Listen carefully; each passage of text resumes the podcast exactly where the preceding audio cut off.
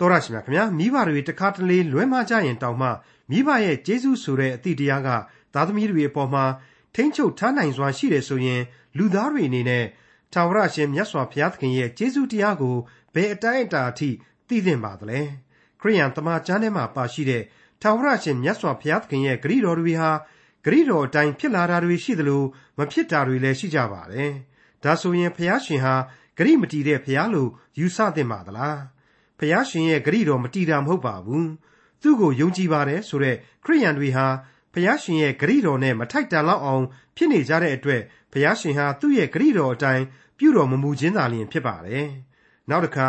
ဖျားရှင်ကသူကျေးဇူးပြုလိုတဲ့သူကိုသာကျေးဇူးပြုတော်မူမယ်တနာလိုတဲ့သူကိုသာလျှင်တနာတော်မူမယ်လို့မိန့်ဆိုတော်မူပါတယ်ဒါဟာမတရားဘူးလို့ယူဆပါသလား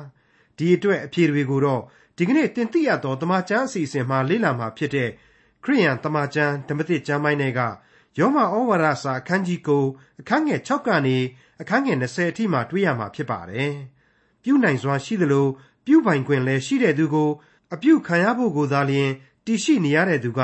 ငါ့ကိုဘာဖြစ်လို့ဒီလိုလုပ်တာလဲလို့ပြန်ပြီးပြောသင့်မပြောသင့်ဆိုတာပါဝင်တဲ့ယောမဩဝါဒစာအခန်းကြီး9အခန်းငယ်6ကနေအခန်းငယ်20အထိကို ဒေါက်တာထွန်းမြတ်အေးကအခုလိုသုံးသပ်တင်ပြมาဖြစ်ပါတယ်။သင်သိရသောသမာကျမ်းရဲ့မိတ်ဆွေတော်တတ်ရှင်အပေါင်းတို့ခမညာ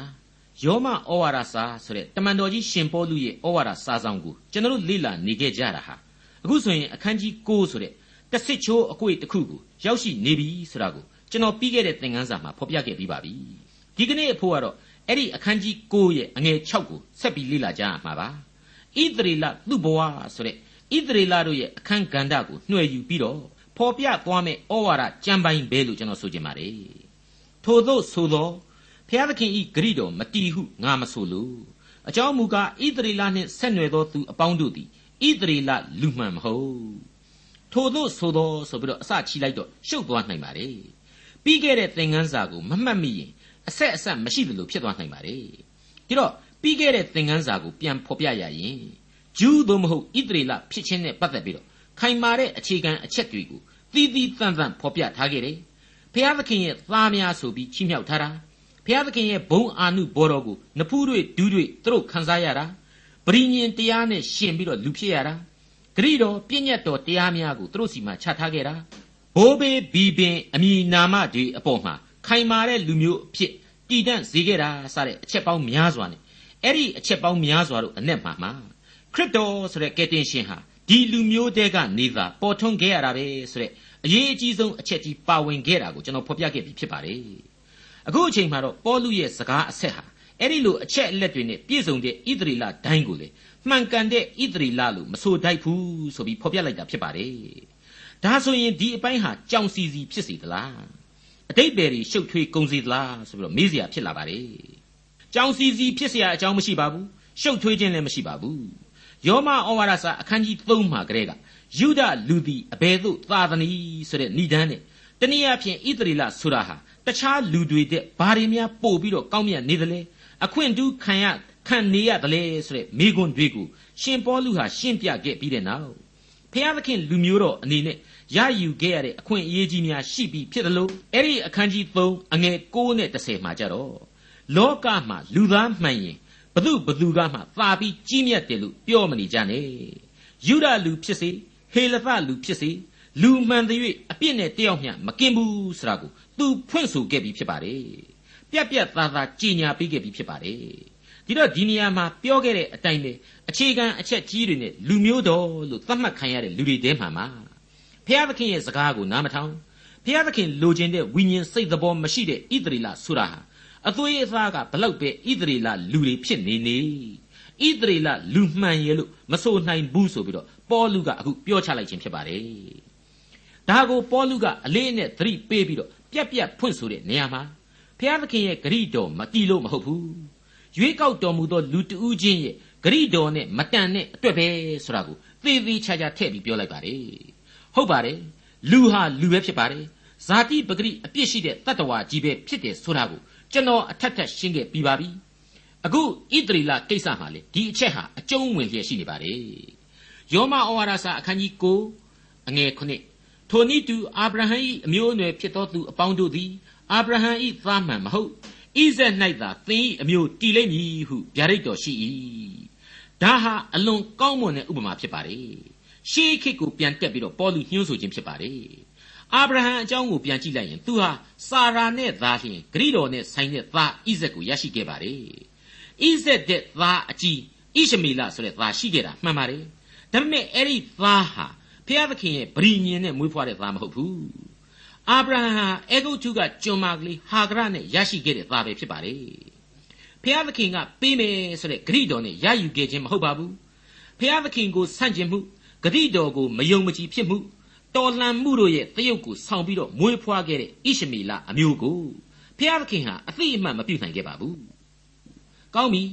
အဲ့ဒီဣဇက်ကနေယာကုပ်ယာကုပ်ကနေမှတဆင့်ဣသရေလလူမျိုးကြီး12မျိုးတို့ဆိုတာကြတော့ကို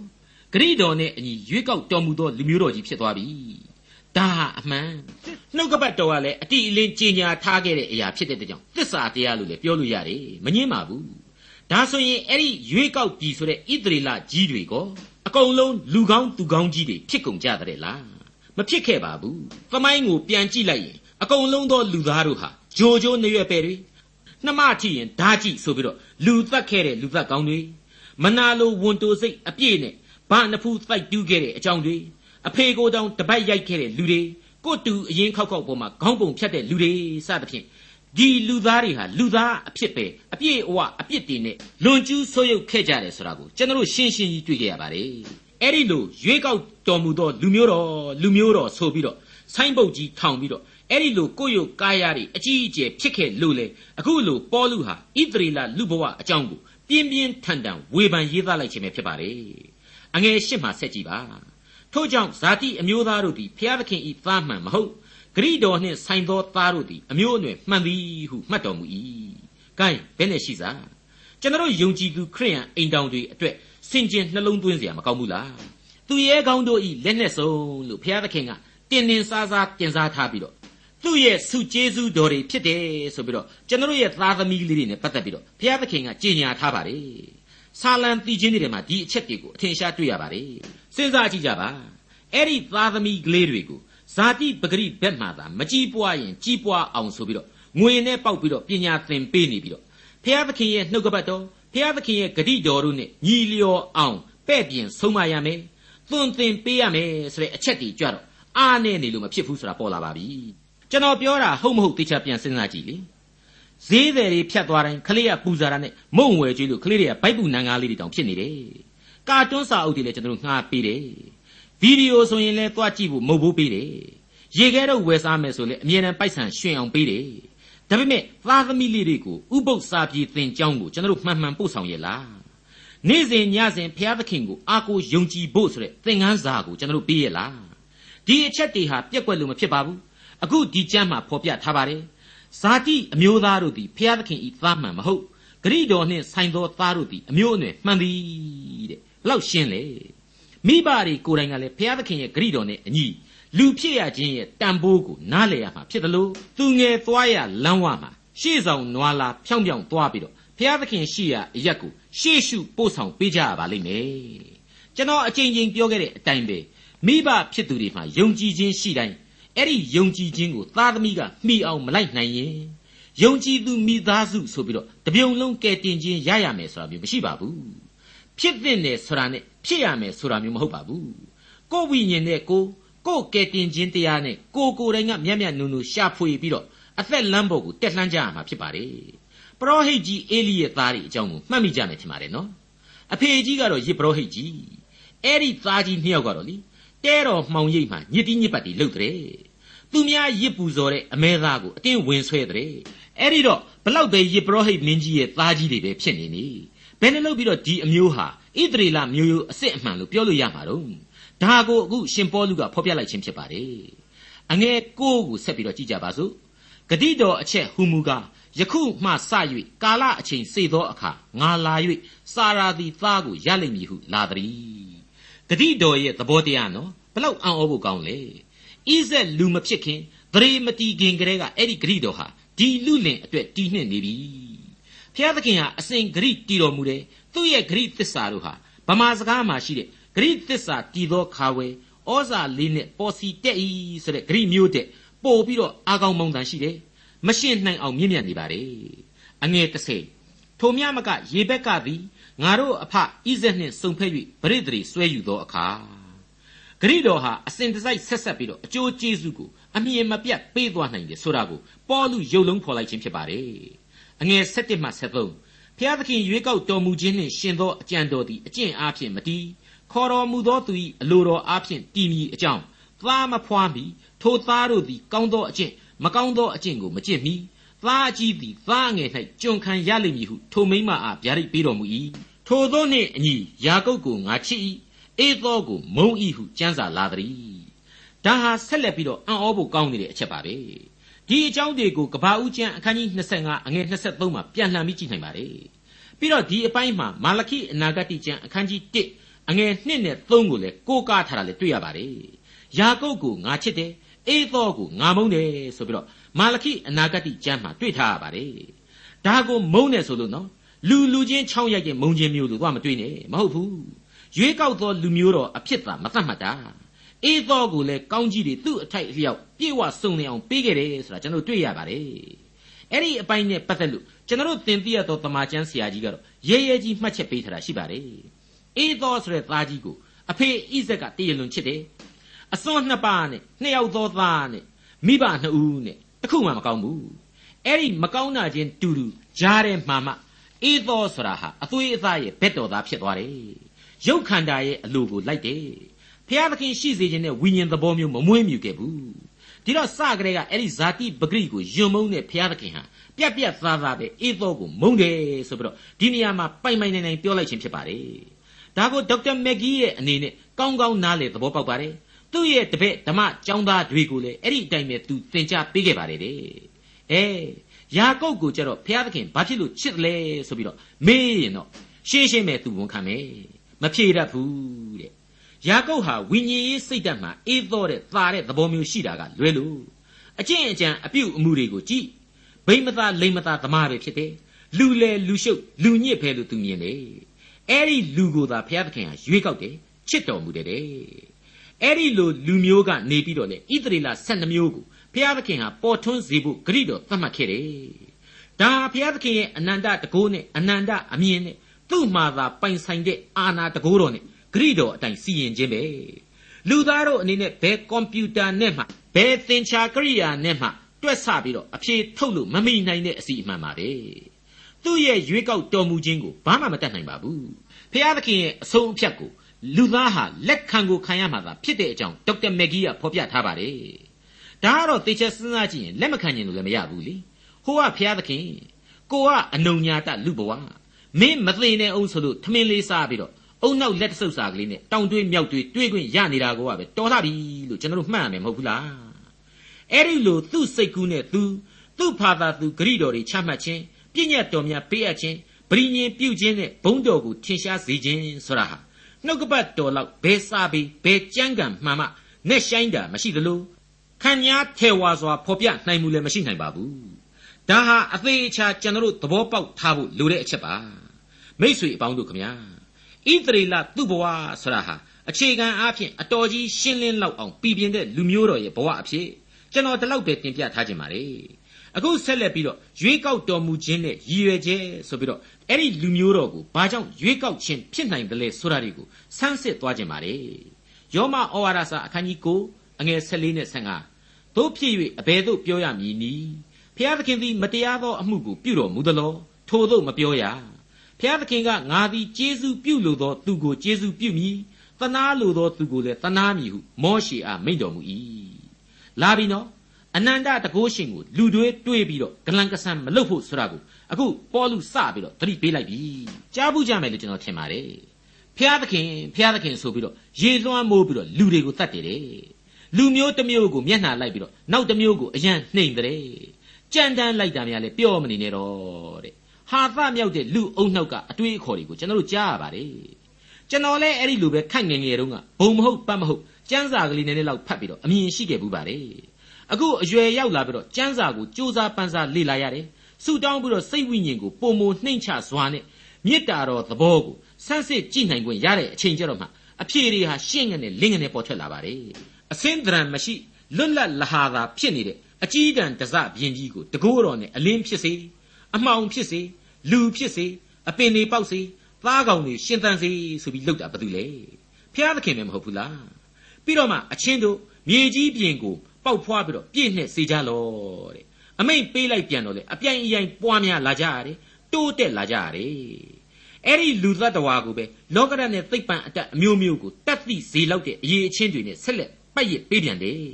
အဲ့ဒီမှာတဲ့မဟာလူသားအဆင့်ကိုတက်လှမ်းသွားကြရတယ် မဟာလူသားအဖြစ်တက်လှမ်းရခြင်းရဲ့အဓိကအကြောင်းအရင်းကတော့ဖျားသခင်ကိုတော်တိုင်ဒီလူသားကိုဖန်ဆင်းခြင်းကောင်းကြီးပေးခြင်းနဲ့တကွဝိညာဉ်တော်ကိုမှုတ်သွင်းပေးထားခြင်းအတွက်ကြောင့်ပါပဲ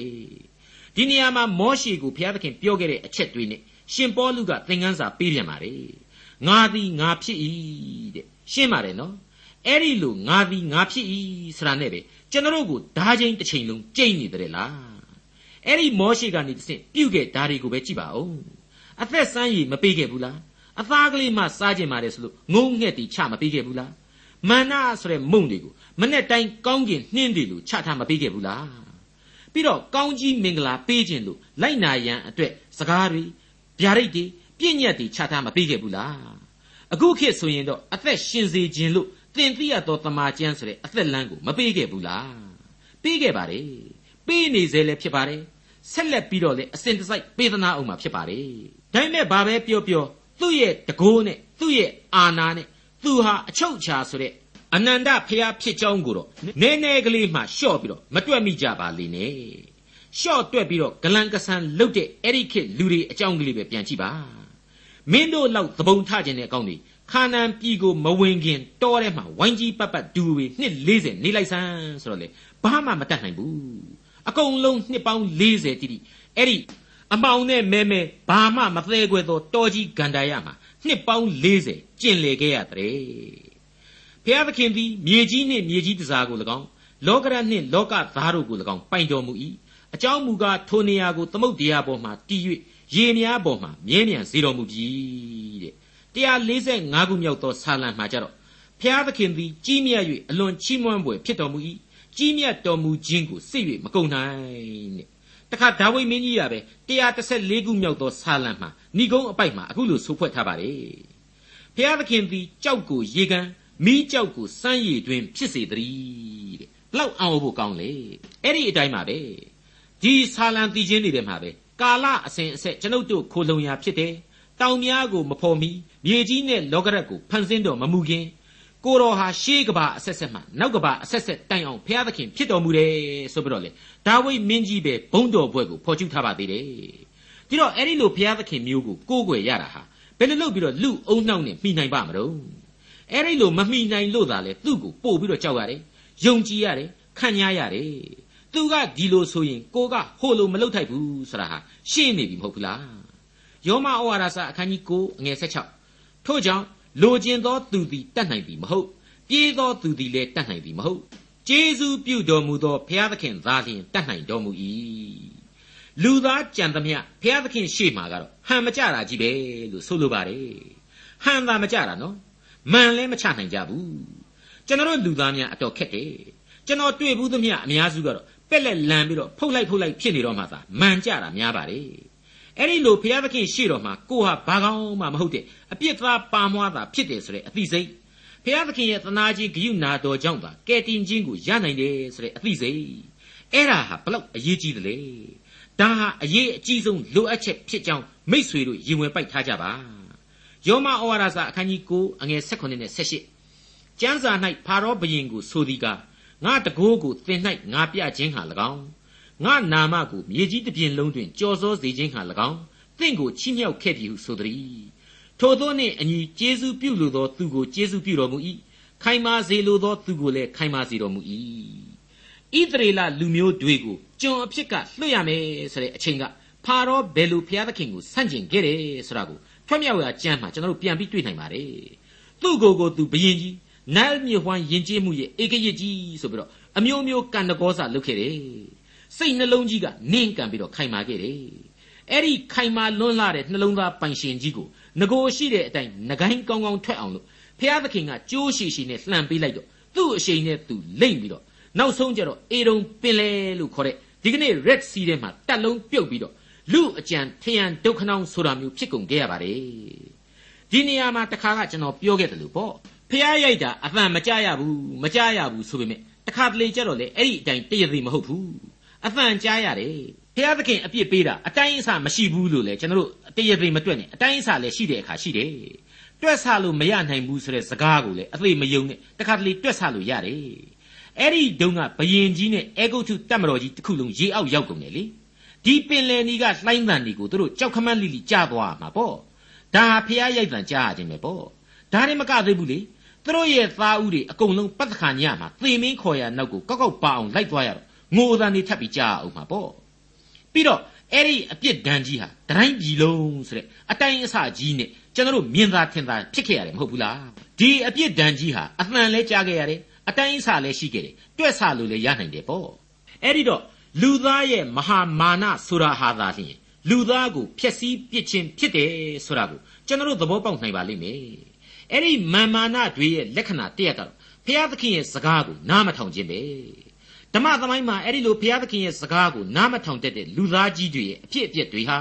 ကျွန်တော်တို့ကိုအလွန်ကောင်းမွန်တဲ့သင်ခန်းစာများပေးစွန့်လျက်ရှိနေပါတယ်။အဲ့ဒီလိုဘယ်သူမပြုတ်မိမိမှုဆိုတဲ့ဇာတိပဂရိအပြစ်သားတို့ရဲ့ဖြစ်ချင်းမလှတဲ့လောကတန်တရားကိုကြည်နိုင်အောင်လို့ရှင်ပေါလုကအခုဆက်ပြီးတော့ဆုံးမဩဝါဒပြုပြန်ပါတယ်။ယောမဩဝါဒစာအခန်းကြီး9အငယ်19တို့ဖြစ်လျင်ဘုရားသခင်သည်အဘယ်ကြောင့်အပြစ်တင်တော်မူသနည်း အဘယ်သူသည်အလိုတော်ကိုစီတာဘူးသနည်းဟုဆိုမိလော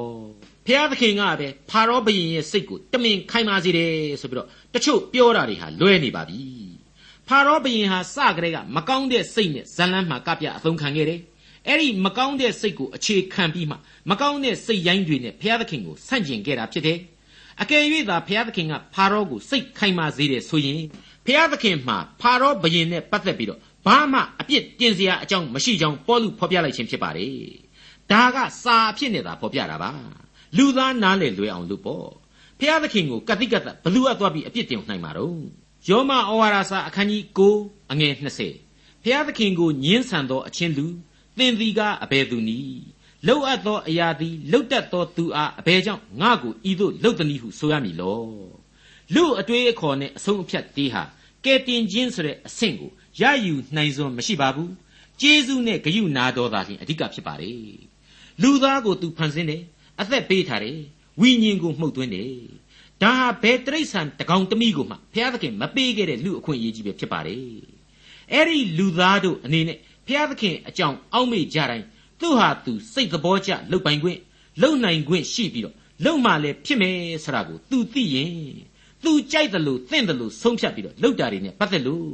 ဘယ်လူသားကမှဇောရကမတက်နိုင်ဘူးဆရာကိုနားလေစေဖို့ရှင်ပေါလုအလိုရှိပါတယ်ဟုတ်ပါတယ်သေချာစဉ်းစားကြည့်ကြပါလူလူချင်းမှတောင်မှအမိအဖမှအမှားရှိရင်တောင်မှမိဘကျေးဇူးဆိုတဲ့အသိစိတ်ဟာသားသမီးကိုထိမ့်ချုပ်ထားနိုင်သေးတယ်ဆိုရင်အနန္တတကုရှင်ဘုရားသခင်နဲ့ပတ်သက်လို့ကျွန်တော်ဟာဘာများပြန်လှန်ဆန္ဒပြဖို့လိုသေးလေအလိုတော်ကိုသာဝန်ခံကြရလိမ့်မယ် သူ့ရဲ့နှုတ်ကပတ်တော်နဲ့လမ်းစာကိုရှာဖွေကြရပါလိမ့်မယ်ကျွန်တော်ဟာသူပြုသမျှနှုတ်ရတဲ့ဘဝသာဖြစ်တယ်သူ့ကျေးဇူးနဲ့ဘယ်နေရာမှမကင်ဘူးသူ့စီကလာတဲ့အသက်ဝိညာဉ်ကိုသာကိုဟာအမိတဟဲပြုနေရတဲ့လူဖြစ်တယ်ဆိုတဲ့စိတ်နဲ့နှိမ်ချခြင်းယိုကျိုးခြင်းများစွာနဲ့နှုတ်ကပတ်တော်အသည့်တရားနဲ့သာလမ်းခရီးကိုရှောက်သွားဖို့ရှိပါတယ်အဲ့ဒီလိုအနန္တတကုရှင်ကိုမယုံကြည်ခြင်းဝိညာဉ်စိတ်သဘောမရှိခြင်းဆိုတာတွေဖြစ်လာရင်တော့ လူဘဝဆိုတာဟာအပြစ်ဘဝကနေဘယ်လို့မှကဲတင်ခြင်းတရားဆိုတာကိုမမြင်ရတော့ဘဲနဲ့အလွန်အလွန်ကြောက်စရာကောင်းတဲ့ပျက်စီးဆုံးရှုံးခြင်းကိုသာမျှော်လင့်စရာရှိလိမ့်မယ်လို့ယောမဩဝါဒစာဟာသင်ခန်းစာကြီးတစ်ခုကိုပေးလိုက်ပါတယ်ဒီနေရာမှာကျွန်တော်အနေနဲ့စာရေးဆရာကြီး John Peter Lange ဆိုတဲ့ပုဂ္ဂိုလ်ကြီးရဲ့ရှင်ပေါလုဤတစ္ဆာတရားအမြင်ဆိုတဲ့စာပိုက်ကိုသတိသွားပြီးရမိပါတယ်အဲ့ဒီတစ္ဆာတရားအမြင်နဲ့ပါ လူသားဟာကိုယ့်ကိုယ်ကိုယ်သာအားကိုးရဆိုတဲ့အမြင်ကိုစွဲကိုင်းကိုယ့်ကိုယ်ကိုယ်သာပိုင်တယ်ဆိုတဲ့အစွဲကိုမွေးမြူနေရင်ဖျားသခင်ဟာလေအဲ့ဒီလိုလူသားမျိုးအတွက်တူသောအကျိုးကိုပေးမှသာဖြစ်တယ်အဲ့ဒါကတော့အဲ့ဒီလူသားဟာမြေမုံအဆင့်ကလာတယ်အပြစ်ဇာတိပဂရိဖြစ်တယ်ဒီကြားထဲကဘုရားသခင်ကိုဥပက္ခပြုတ်ထားတယ်ဆိုတော့မြေမုံမှသည်မြေမုံစီတို့ကုသန်းရံမှတပါအခြားမရှိနိုင်ဆိုပြီးတော့ဖော်ပြထားပါတယ် အလွန်ကောင်းမွန်တဲ့ပီတာလန်ဂီရဲ့ရှင်ပေါလုဤတစ္ဆာတရားအမြင်ထဲမှာစာပိုက်တစ်ပိုက်ဖြစ်ပါတယ်ကျွန်တော်ကဒီအချက်ကိုအခုလို့ဖော်ပြရတာဟာဂျွန်ပီတာလန်ဂီတူးတဲ့ရဲ့ဖော်ပြချက်အဖြစ်အနေနဲ့မဟုတ်ပါဘူးဒါဝိမင်းကြီးကနေပြီးတော့103ခုမြောက်သောဆာလံအငယ်14မှာလေဘယ်လိုဖော်ပြထားတယ်ဆိုတာစဉ်းစားကြည့်ကြပါအကြောင်းမူကားငါတို့ကိုယ်ခန္ဓာကိုသိတော်မူ၏ငါတို့သည်မြေမှုန့်ဖြစ်ကြောင်းကိုအောက်မေ့တော်မူ၏ဆိုပြီးတော့ဖော်ပြထားပါတယ် အဲ့ဒီ103ခုမြောက်သောဆာလံပြီးခြင်းရဲ့အစမှာဖော်ပြခဲ့တဲ့အချက်တွေဟာလေဖျားသခင်ကိုချစ်သောလူသားတိုင်းတို့အတွက်အလွန်အလွန်အရေးကြီးတဲ့အချက်တွေကြီးပဲလို့ကျွန်တော်ဖော်ပြခြင်းပါတယ်ဒါဝိမင်းကြီးရဲ့103ခုမြောက်သောဆာလံပြီးခြင်းမှာကိုးကားတဲ့အချက်ဖြစ်ပါတယ်မိษွေတော်တတ်ရှင်တို့နားဆွင့်ထောင်ကြပါ။အိုငါဝိညာဉ်ထာဝရဘုရားကိုကောင်းကြီးပေးလော့။ငါ၏အထက်မှရှိသမျှတို့တန်ရှင်းသောနာမတော်ကိုကောင်းကြီးပေးကြလော့။အိုငါဝိညာဉ်ထာဝရဘုရားကိုကောင်းကြီးပေးလော့။ ကျေးဇူးတော်အပေါင်းကိုမမေ့မလျော့နှင့်ဆိုတဲ့တိုက်တွန်းနှိုးဆော်ချက်တွေပါပဲ။အဲ့ဒီဖော်ကျူးသံတွေတဲမှာကိုယ့်ဘက်ကနေဘုရားသခင်ကိုကျေးဇူးတော်ချီးမွမ်းဖို့ဆိုတာကိုအထက်ထပ်တွေ့ရပါတယ်။အကြိမ်ကြိမ်တိုက်တွန်းထားတာကိုကျွန်တော်တို့နားလည်နိုင်ပါတယ်။ကိုကိုကိုချီးမွမ်းဖို့ဆိုတာတွေတစ်ချက်မှမပါဝင်ပါဘူးကျေးဇူးတော်အပေါင်းကိုမမေ့မလျော့နှင်းဆရာဟာလေယောမဩဝါဒစာမှာရှင်ပေါလုဖော်ညွှန်းတဲ့အတိုင်းလိုချင်သောသူမတတ်နိုင်ပြေးသောသူလည်းမတတ်နိုင်တဲ့ကျေးဇူးတော်ဆိုတာ ခရစ်တော်အားဖြင့်သာလူသားတို့ရနိုင်တဲ့ကျေးဇူးတော်ဖြစ်တဲ့အကြောင်းမိမောင်ထိုးဖော်ပြလိုက်ခြင်းဖြစ်ပါတယ်ဒေါက်တာထွန်းမြတ်ရေးစီစဉ်တင်ဆက်တဲ့တင်ပြတော်တမချန်းအစီအစဉ်ဖြစ်ပါတယ်နောက်တစ်ချိန်အစီအစဉ်မှာခရိယန်တမချန်းဓမ္မသစ်ကျမ်းပိုင်းတွေကယောမဩဝါဒစာအခန်းကြီးကိုအခန်းငယ်21ကနေအခန်းငယ်33အဆုံးအထိကိုလေ့လာမှာဖြစ်တဲ့အတွက်စောင့်မျှော်နားဆင်နိုင်ပါတယ်။